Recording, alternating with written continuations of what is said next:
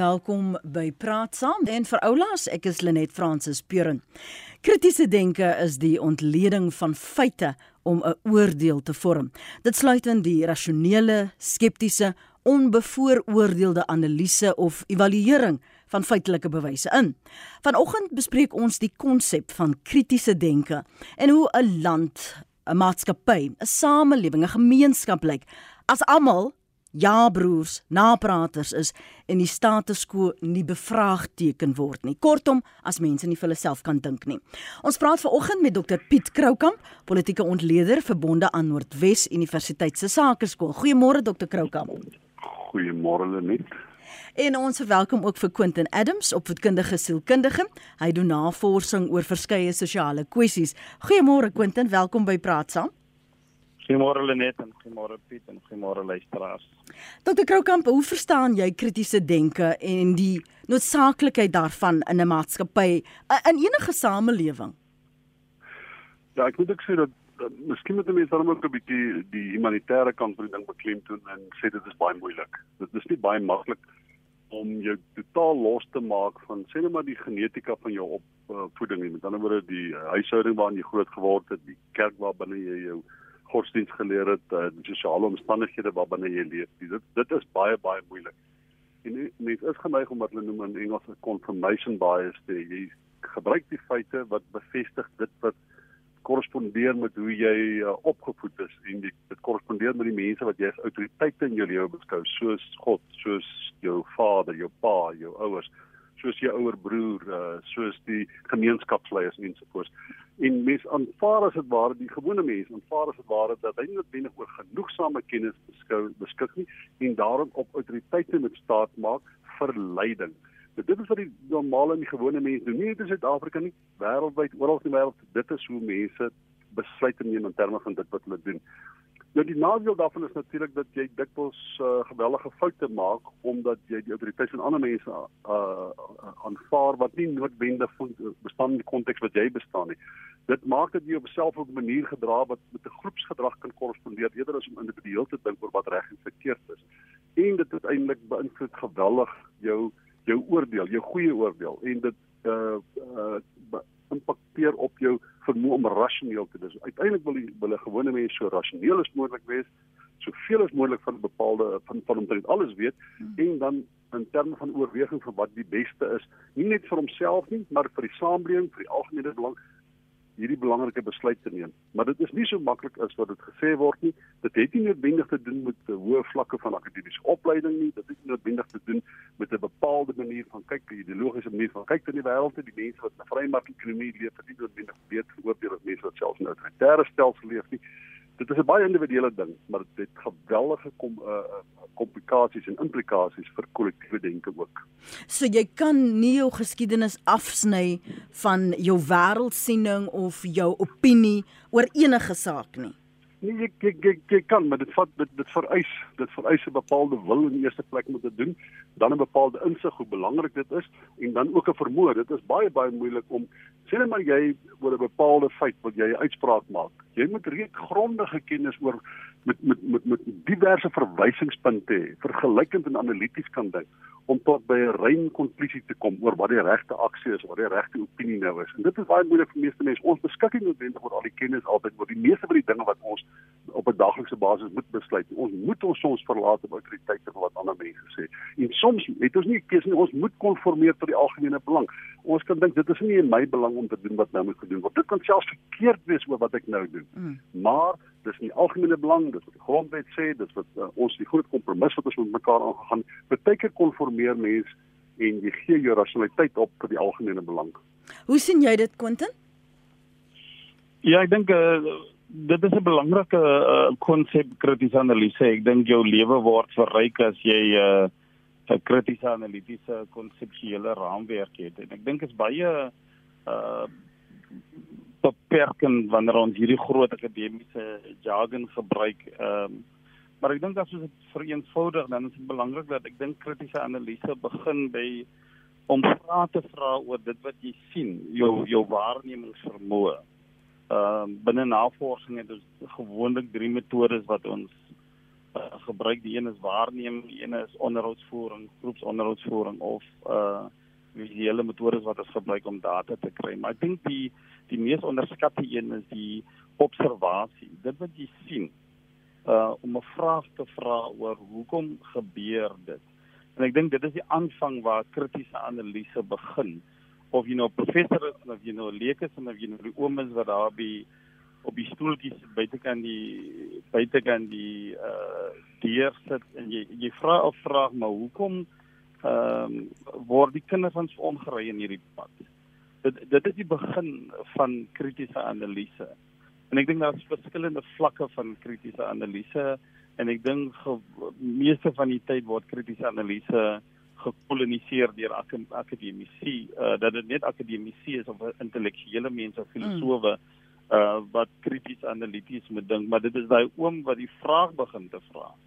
Ehm um, dit is daai tannie wat die vraag begin te vra.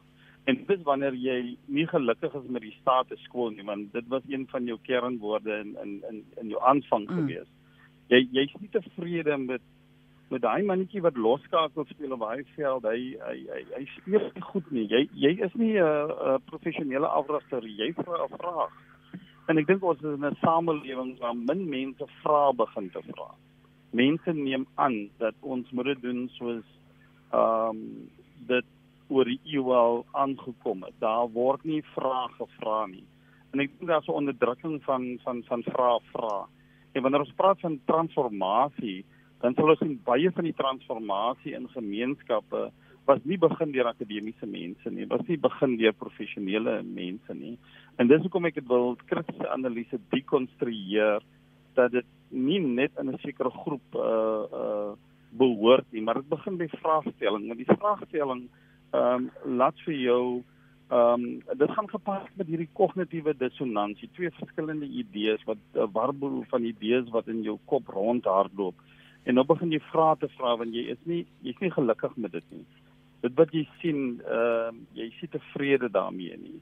En dan begin jy die vrae te vra en ek dink ehm um, die die vraagstelling is vir my 'n belangrike gedeelte. En en ek was 'n tyd op die universiteit gewees en ek het ook self gevind hoe moeilik meeste graadstudente hulle kry klomp uh, artikels, akademiese artikels, maar hulle sukkel om 'n uh, om 'n uh, om 'n goeie vraag te kan stel uit die gegeewe inligting in in artikels wat hulle kry. En daarom dink ek dat kritiese analises 'n beginpunt is by ehm um, die vraagstelling oor waarom gebeur en hoekom loop goed verkeerd. En ek dink dit is wat vir my die lewe verryk en ons moet al hoe meer deel maak van ons wêreldbeskouing mense binne in die ehm um, in die ehm uh, werksplek mense binne in organisasies moet daai vraag begin te vra en en die oomblik as ons net konformeer soos Piet gesê het ons aanvaar net dit dan gaan nog geen sin verandering uh, plaasvind nie en ons kyk baie keer hoe mense in onkunde bly en hulle ignoreer wanneer hulle vra nie die kritiese vraag nie of hulle vra vra nie 'n vraag oor wat gebeur nie. En ek dink dit is vir my kardinaal belangrik dat jy 'n kritiese vraag, 'n vraag moet vra. Vraag oor jou eie lewe, vraag oor die samelewing, vraag oor jou godsdienst. Ehm um, en en en en daar's groot verskil tussen 'n vraag vra en negatief wees. Want mense is negatief en dis baie keer 'n houding of 'n ingesteldheid. Maar ek dink kritiese analise begin met 'n goeie vraag en dan die soek na antwoorde uh jy soek na oplossings en jy soek na na ehm um, goed wat vir jou die antwoord kan gee daai vraag. Piet uh Quentin het gepraat van dis 'n spasie wat gekoloniseer is. Um net dis natuurlik 'n persepsie. sien jy dat die ons het dit gelaat en ons laat dit in die hande van akademici, van intellektueles om krities om te gaan met goed wat ons raak op 'n voetsoolvlak uh, wat besluite wat politici byvoorbeeld neem, besluite wat in 'n maatskappy 'n maatskappy byvoorbeeld gebeur. Ja, ons is ons is van nature aanvaar ons baie keer die gesag van ander mense en baie keer aanvaar ons dit op 'n irrasionele vlak. Met ander woorde, ons kan nie noodwendig sê oor hoekom die persoon reg is nie. Ons aanvaar die persoon moet noodwendig reg wees. Die dominee is noodwendig reg. Die hoof van my politieke leiers noodwendig reg. My pa is noodwendig reg. Uh en ek het nie genoeg kennis om 'n oordeel te vel of daardie persoon verkeerd of reg is nie. Ek is bly Quentin uh, lees soveel klem op die vraag want ek uh, sê dikwels my studente uh, die een met die antwoorde hier is nie een wat my interesseer nie. Dis een met die goeie vrae hier wat my interesseer. Dis dis want dit, om 'n goeie vraag te vra wat jy vergelykend kan dink, jy moet 'n breë kennis hê van die van, van die vakgebied. Anders vra jy net swak vrae. Dit dit kenmerkend van wat wat ons dit moet ons vra swak vrae. Daar's 'n ander onderskeid wat mense moet maak as uh, in, in verwysing na Quentin gesê gepraat van observasie. Observasie beteken jy kyk na die wêreld daar buite en jy het 'n bepaalde opinie en jy kan selfs 'n ingeligte opinie jy kan 'n kritiese opinie hê. Ons het almal kritiese opinies. Ons almal het 'n bron het redelik hoeveel bron bron van kritiek baie kers kan put. Wat aansienlik moeiliker is en dit is hoe ons in die wêreld kyk. Jy sit vir jouself 'n bril op hoe jy na die wêreld wil kyk om introspeksie te doen en te sê, "Hoekom kom ek tot die konklusies waartoe ek kom? Hoekom hmm. dink ek soos ek dink?" En dan uh te probeer om krities te wees oor die manier hoe jy dink. Wel krities is miskien 'n redelike woord vir baie mense. Jy wil jouself graag kritiseer nie, maar om skepties te wees oor hoekom dink ek soos ek dink. Want baie keer glo jy onwrikbaar in iets en as jy nie die vraag vra oor hoekom hoe het ek tot daardie konklusie gekom daaraan te glo nie, mm. dan staan jy onkrities uh vis-à-vis daardie konsep en dit beteken dis hoe jy na die wêreld daar buite kyk. Ons sien die wêreld deur die bril wat ons as ware partykeer geërf het. Nou die die die, die ding van goeie in 'n goeie gesin lewe, in 'n kritiese gesin lewe, krities denkende gesin lewe, of in 'n goeie skool wees of in in in in 'n kerk wees waar daar leiding gegee word oor hoe moet mense dink oor die wêreld daar buite. In so 'n konteks leer 'n mens om introspeksie ook te doen om nie noodwendig jou eie woord te aanvaar nie. Daar is niks verkeerd daarmee om verkeerd te wees nie. Dis 'n wonderlike ding om verkeerd te wees en gee vir jou die geleentheid om weer reg te wees of om jou denke te verfyn of om meer te leer om meer ervaring op te doen. En uh, ek het probeer altyd my lewe lank vir my kinders gesê om verkeerd te wees, daar's niks fout daarmee nie. My waarheid te sê, as jy dit gebruik vir 'n platform om daarna reg te wees, is dit 'n wonderlike geleentheid om introspeksie te doen en om jouself te sensitiseer vir die feit dat verkeerd wees kan daar's nie 'n stigma daaraan nie. Ja. Ons almal is soms verkeerd. Die ding is, hoe gaan ons met die feit dat ons soms verkeerd is? Hoe gaan ons daarmee om? SP sê dit is hoekom opvoeding belangrik is. By ons is kritiese analise 'n baie groot uitdaging, groter as in ontwikkelende lande daar buite. Stem jy saam Quentin Adams? Ja, hang af van die perspektief. Ehm um, ek is nie 100% seker ehm um, wat jy daar doen nie, maar ek dink dit is belangrik dat ons opgelei moet word hoe om krities te te kan dink en natuurlik die struktuur te gee om krities om te gaan. Maar dit is een een een gedeelte om iemand op te lei. Jy kan iemand oplei om krities te te dink, maar dit gaan ook dat die persoon moet um 'n binnewerking en 'n verstaan het van die verskynsel daar buitekant. Um in die wetenskap praat ons van 'n uh, 'n uh, etiese perspektief, 'n buiteperspektief. Mense stuur vraelyste in oor verskynsels. Hulle dokumenteer, hulle skryf artikels, hulle rapporteer daarop, maar hulle was nie fisies in die omstandighede nie. Hulle was nie in die in die konteks gewees nie. So hulle hulle kritiese verstaan van van die verskynsel is 'n buiteperspektief. Ehm um, en daarom is dit belangrik dat wanneer ons praat van 'n kritiese perspektief en opleiding dat mense 'n diepte verstaan het van die sosiale verskynsel of van die fenomeen wat hulle bestudeer. Ek dink dat ons het baie te doen met hierdie snapshot uh, navorsing. Uh, iemand gaan in met 'n vraelys skryf, dit dokumenteer en dan gaan die persoon om asof hulle die verskynsel heeltemal verstaan het. En daarom is dit belangrik dat ons moet blootgestel gestel word soos Piet vroeër gesê het aan ehm um, omgewings wat jy mee kan vergelyk. Ehm um, en ek dink die blootstelling aan verskillende omgewings met diverse perspektiewe ehm um, gaan help om 'n kritiese ehm um, analitiese konseptuele raamwerk te kan te kan ontwikkel. Maar ek dink dit is belangrik dat mense opgelei moet word, dit verdiep dit, dit mm. verhoog hulle verstaan van verskynsels en dit is ook belangrik dat dit 'n baie breër kritiese analitiese raamwerk is waarna hulle voorgestel word. Een faset wat ek dink uh, baie vernalaat word, is veral die die konsep van mag uh en magsposisie en magsverhoudinge binne in sosiale verskynsels wat ek dink baie min aandag kry oor die algemeen binne in Suid-Afrika. Ehm um, maar ek dink opleiding is beslis ehm um, die roete wat vervolg moet word. En dan natuurlik dat dit op 'n hoër vlak gedoen word. Ons kry baie oppervlakkige kritiese analise, maar ek dink dat ons die kritiese analitiese opleiding moet verdiep en natuurlik op 'n vroeë stadium begin. Ehm um, die manier hoe ons opvoedingsstelsel georganiseer is in die kurrikulum, as ek dink daar word baie min vrae gevra en en die leerders gaan baie min krities om en ek dink op voorgraadse vlak, veral op universiteitsvlak en op uh, nagraadse vlak moet daar meer fokus gelê word op 'n kritiese analitiese konseptuele raamwerk. Hou net so vas, Johan is op lyn 2 dink ek. Môre Johan, praat saam. Hallo Lenet, Johan Schuster hier so van Bloemfontein.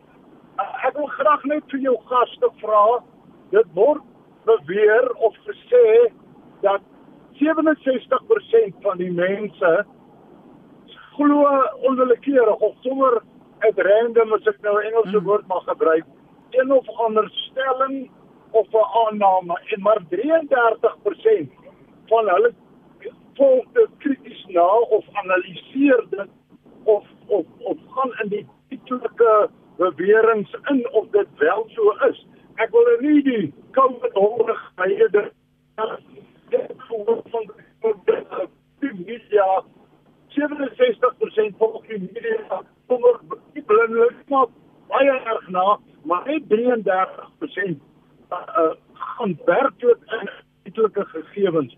Ek wil net by jou gaste hoor net of dit maar net 'n aanname is of is daar so 'n verhouding? Goed. Ehm um, ek weet nie of jy daarop kan reageer in terme van die die statistiek nie uh, en die ontleding daarvan nie, maar Piet, maar kom ons vat dit as 'n algemene konsep en en geloof. Um stem jy daarmee saam veral ook as jy dit vir my weier kan neem. As ons kyk nie net na die COVID pandemie nie, ons kyk na die oorlog in wat uitspeel in in die Oekraïne en ons het in ons nuusberig gehoor dat die plekke wat dan nou uitgewis word in aanhalingstekens meer Russies uh, gemeenskappe is of wat gemeenskappe wat Russies praat hoe geskiedenis en wie uh, die geskiedenis skryf hoe daardie persepsies ingekleur word sodat ons die aannames maak en die gevolgtrekkings wat ons maak. Ja, daai 67 en 33% eh, sal altyd omstrede wees en ek dink ons moet altyd krities daarna daarna kyk. Ja. So wil ons dit nou doen. En dit is dat uh, in elke individu het 'n uh, ander manier na die wêreld te kyk. Party mense kan uh, 80% van alle uh, van sy inligting uit uh, autoritaire gesag kry of uh, mense met met met 'n bepaalde authority uh, hulle napraat en ander mense kan die 10% doen. In in baie aspekte van jou lewe lyk dit normaalweg na ander mense, ander mense in in ander gevalle is dit weer krities. Ek miskien kan 'n mens so 'n faab tipe van 'n syfer gee, maar dit dit sal maar net wees om vir mense die breë indruk te gee van van die feit dat mense onkrities is. Uh, ek ek weet nie of dit verklarend is van mense op individuele vlak of selfs kollektiewe vlak van hoe hulle werklik dink nie. Ehm um, ek kan ek wil nou by die punt oor oor oor, oor die Oekraïne wil ek uitkom wil ek uitkom en dit is ek dink uh, die wêreld is verdeel in twee uh, pole kan mense dit as ware sê as jy wil as jy wil veralgemeen dit is mense wat dink the good guys and the bad en hulle dink aan die kommuniste en die kapitaliste. En jy is geneig om jouself te skaar in 'n bepaalde ideologiese raamwerk of 'n narrative of 'n denkraamwerk omdat dit is die een waaraan jy groot geword het en van klein af kleins af is jy uh, gesensitized as dit ware om jou outsiders te erken en om hulle uh, die evil in hulle as dit ware te erken en dan reageer jy in terme van dit. Maar dit is 'n breë algemene brandstryk wat jy maak en dit het nie noodwendig met kritiese denke te doen nie. Dit is baie moontlik en ek het môre gesien Max se preeskuis 'n bietjie daaroor in vry weekblad. Dit is baie moontlik om te besef dat daar geweldige menseregte skending in Oekraïne plaasvind en om te besef dat uh, Putin soms 'n punt het. Dit is baie moontlik om in Suid-Afrika te erken dat rasisme 'n geweldige groot probleem is en te aanvaar dat swart ekonomiese bemagtiging het daardie skade 'n groot deel van die skade berokken in die hmm. Suid-Afrikaanse ekonomie. Mense hoef nie noodwendig een spesifieke narratief of een spesifieke kamp uh, jouself uh, in tuis te vind om krities te wees van self dit wat jy dink nie.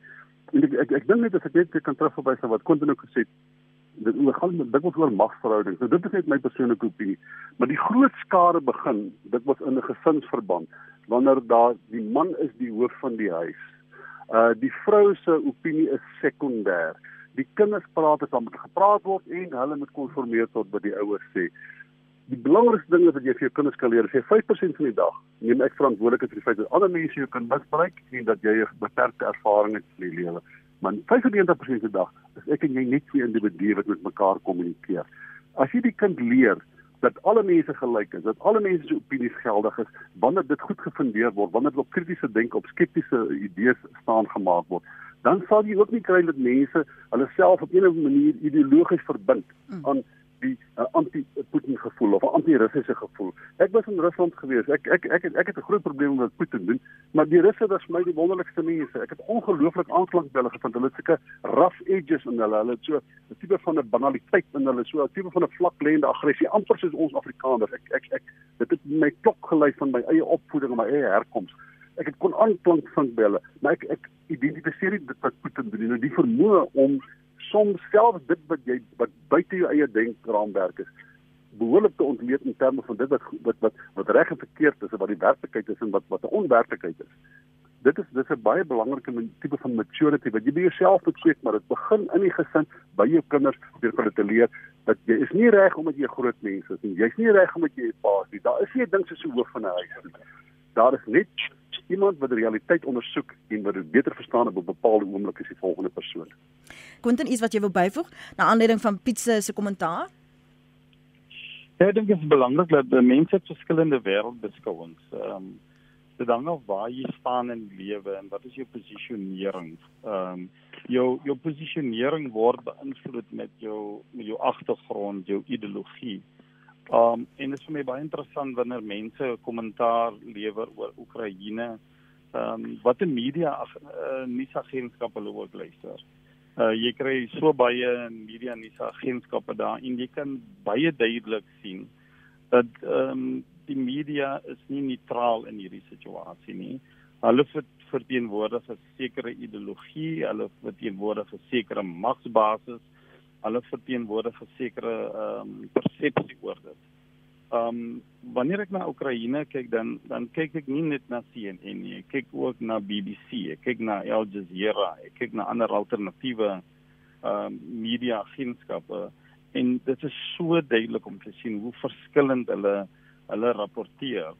Ehm um, ek het baie nou uh, uh, Afghanistan gevolg en hmm. natuurlik Sirië ook. En dieselfde media agentskap het byvoorbeeld 'n ander narratief gehad in hulle rapportering daarvan. So wat gebeur is dat dit wat jy ontvang, ehm uh, besef jy dat dit is nie neutraal nie. Dit word uh, gedryf deur 'n sekere ideologiese ehm um, oortuigings en natuurlik ehm um, wie is in beheer van hy media agentskap en daarom is dit belangrik dat wanneer ons na hierdie Oekraïne ehm uh, die oorlog in Oekraïne kyk dat ons baie versigtig en krities moet omgaan oor wat daar gebeur. Ehm um, ek dink altyd aan hierdie gedeelte waar iemand gesê het van Nelson Mandela was 'n terroris op 'n slag vir, vir vir sommige mense, maar vir ander mense was hy ehm um, 'n vryheidsvegter geweest. So dit hang af van jou jou jou posisionering waar jy staan. Uh en en en dit is so so moeilik dat dat mense uh, kommentaar lewer want jy is nie seker wie en wat is die doelwitte van hierdie ideologiese uh magspel binne die media nie. En daarom is dit belangrik dat ons moet uh blootgestel word aan verskillende media ehm um, agentskappe. As daar net een media agentskap is wat rapporteer, dan raak ek baie baie versigtig En wat gebeur is dat 'n sekere narratief wat gevolg word. En daarom is dit belangrik dat wanneer ons kyk na wat is die mense se se se belewenis van die oorlog. Ehm uh, die mense in die ooste van van Oekraïne, wat was hulle uh, probleme geweest? Wie het dit gerapporteer? En daarom dink ek dat ons moet nie net uh, 'n uh, oordeel vel oor wat ons hoor nie, maar ons moet ook 'n oordeel vel en 'n kritiese oordeel oor die nuusagentskap uh en wie is die nie uh die nuusagentskap wat hierdie van baie van hierdie goed is ehm uh, is baie keer net propaganda wat jy hoor. En dit is nie 'n werklike uh kyk op wat wat wat was die dinamiek en die historiese oorsprong oor oor hierdie verskynsel nie So ter afsluiting vir oggend, as ons praat oor kritiese denke in 'n samelewing soos Suid-Afrika wat die heeltyd verander, waar meningsvorm is die heeltyd vervang word en natuurlik 'n ander milieu en 'n boodskap en 'n milieu wil skep. Dr Piet Kroukamp, wat moet ons in gedagte hou met Suid-Afrika en en demokrasie vorentoe?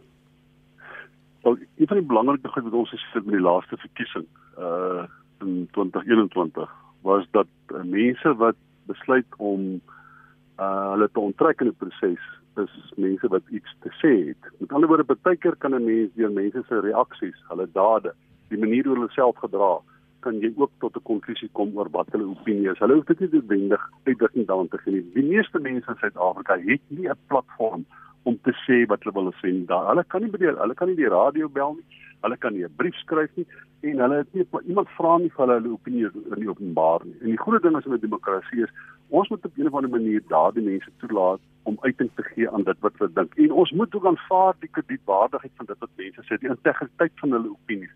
Dis nie te dikwels wat ek, ek hoor mense daar's niks wat my so op my senuwees maak as wanneer iemand sê daar's 'n gebrek aan opvoeding nie. En omdat daar gebrek aan opvoeding is, gedra mense hulle self op so of op so en hulle stem vir daai party en vir daai party. Dis dikwels die persoon wat die klein maak van die gebrek op aan opvoeding, wat die gebrek aan begrip het omdat hy daardie klein maak van van van een of ander superieure vorm van opvoeding. Die feit bestaan elke mens uh, evalueer sy wêreld waarin hy leef in terme van die koste van 'n bepaalde besluit en die voordele van 'n bepaalde besluit. En daardie koste en voordele moet 'n mens aanvaar is dikwels gegrond op personaliteit, partykeer op vrese, partykeer op vooroordeele. Dis alles wat van ons menslik maak, wat van ons mens maak. Die idee is om mense te neem binne die gesinsverband en dit is hoekom dit so verskriklik skande in Suid-Afrika is dat 63% van alle kinders word in huishoudings groot waar daar net een groot mens is in 'n klomp van daai gevalle is dit eenvoudig is dit nie 'n biologiese ouer nie. Want dit is in daardie konteks en daardie struktuur 'n mens leer. Onthou, soos wat Quentin ook gesê het, gesagsverhoudinge bepaal baie dikwels jou opinies en die manier hoe jy dink oor dinge. En in 'n in 'n oop gesin, in 'n vrygesin en 'n ontspanne gesin waar mense elkeen 'n plek het in so 'n gesinsstruktuur. Dit is die ba dit is die kernplek om te begin om vir mense te leer van hulle eie menswaardigheid op persoonlike vlak en die waarde van hulle opinies en die waarde van die koste van hulle opinies en wat hulle op 'n manier verantwoordelik geleer word om partyke daardie opinie op te skort ter wille van 'n ander opinie en een wat miskien meer reg is of wat 'n uh, uh, groter insig openbaar of wat die die risiko's van sy eie bestaan kan verlaag en die koste daarvan kan verlaag. Dit is alles deel van 'n groot wordproses, 'n groeiproses, 'n hmm. wasdomproses. Ek is baie bang vir mense wat hierdie vertel van ons het nie opvoeding nie, as gebrek aan opvoeding en daarom kan mense nie vir hulle self dink nie. Voor uh, ek vir Quentin Adams geleentheid gee om daarop te reageer. Hoe hou jy Suid-Afrikaanse leiers of dit nou 'n maatskappy is of dit 'n politieke party is of dit jou regering is, hoe hou jy hulle dan verantwoordbaar as jy dikwels voel jy's ontmagtig en dan word nie na jou geluister nie? Kyk, so, uh, een ding wat uh, Pravin Gordhan eendag gesê het, hy, hy ek was in 'n gesprek gewees te sê we have a noisy democracy. So uh, in Suid-Afrika is ons het 'n noisy democracy. Die sosiale media byvoorbeeld gee omtrent elke Jan Rappes en maat gee vir 'n platform om sy opinie uit te spreek so sterk as wat hy wil. Uh dit is so dat Suid-Afrikaners, ons is 'n baie aktivistiese samelewing. Ons staat, ons pleeg geweld, ons pleeg misdaad. Dis alles maniere van uiting gee aan hoe jy jou eie lewenswêreld interpreteer. Ons is ons is dit is hoekom jy sal nooit in Suid-Afrika 'n diktatorskap kan kan vestig nie. Jy sal sukkel met autoritaire stelsels. Jy kan die mense lieg en jy kan hulle bedrieg. Jy kan hulle op 'n of ander manier bang maak vir bepaalde goed en maak hulle self op 'n ander manier gedra. Maar die feit bestaan is ons is een van die mees demokratiese samelewings en jy praat van die burgery, van gewone mense, van selfs mense wat in informele nedersettings bly en wat totaal ontmagtig voorkom selfs daai mense oefen oefen van tyd tot tyd oefen hulle hulle opinies op 'n baie kragtadige manier. Al is dit ook om te sê ek gaan nie stem in hierdie verkiesing nie. Dit is 'n baie baie sterk opinie, maar dit ontmagtig as 'n ware politisie. Dit hou hom op 'n baie spesifieke manier verantwoordelik.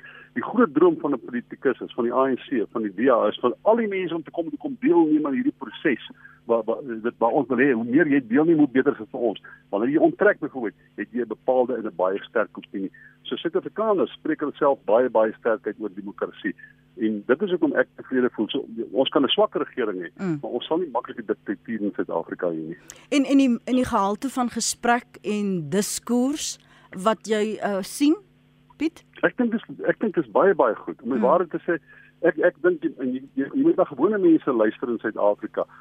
Omdat dit so oop samelewing is, dink ek mense toenemend bewus daarvan geword dat partykeer kan daar 'n bron wees wat ons mislei. Partykeer moet mense na ander bronne luister. Hulle vergelyk daar's 'n baie natuurlike instink onder Suid-Afrikaners om 'n vergelyking te te tref tussen stemme en tussen tussen 'n uh, uh, uh, bronne van inligting.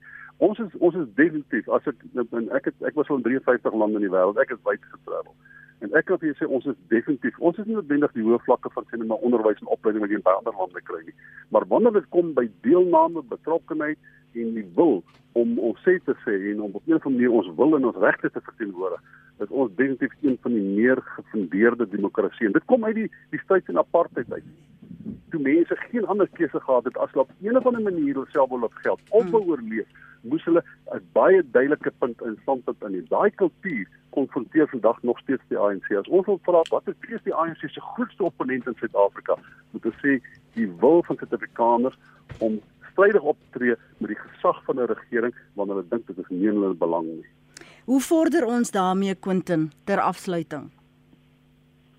Ja, ek dink ons het 'n ons het beslis 'n kritiese stem in hierdie land, eh, maar ek dink daar's 'n groot gevaar vir mense wat in die wat politieke leiers is op hierdie stadium want hulle is in hierdie uh magsposisies maar die mense se lewensomstandighede ehm um, verander nie. Ons gaan agteruit en ons gemeenskappe bloei daar buitekant. En ek dink ehm um, die, die die grootste probleem is dat um, ons politieke leiers ehm um, is gekoloniseer deur georganiseerde magsnetwerke wat daar bestaan mense betree die politiek en hulle word deel van hierdie georganiseerde power networks of magnetwerke.